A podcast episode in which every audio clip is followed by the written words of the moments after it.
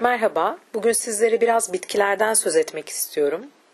Ve bitkilerin aslında insanlarla ne kadar benzer bir yaşam seyirleri olduğunu anlatacağım sizlere.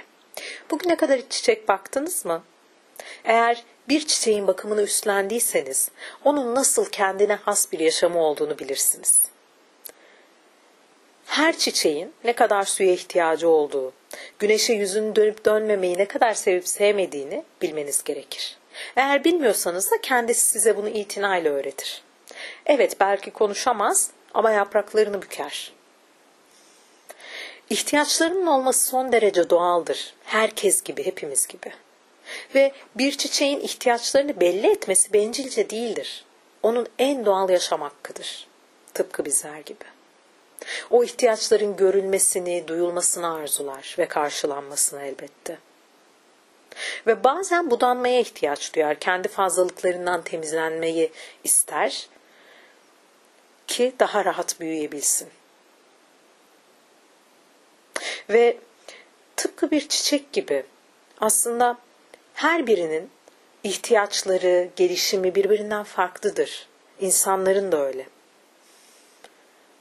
Her birimiz insan olsak da birbirimizden farklı özelliklerimiz var. Gelişimimiz birbirimizden farklı. Her birimiz farklı zamanlarda adım atıyoruz belki. Aşağı yukarı yakın zamanlar olsa da her birimizin süreci kendine özel.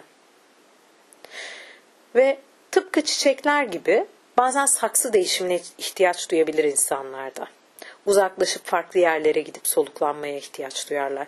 Belki mekan değişikliğine ihtiyaç duyarlar. Bazı çiçekler küçük saksılarda bulunmayı sever.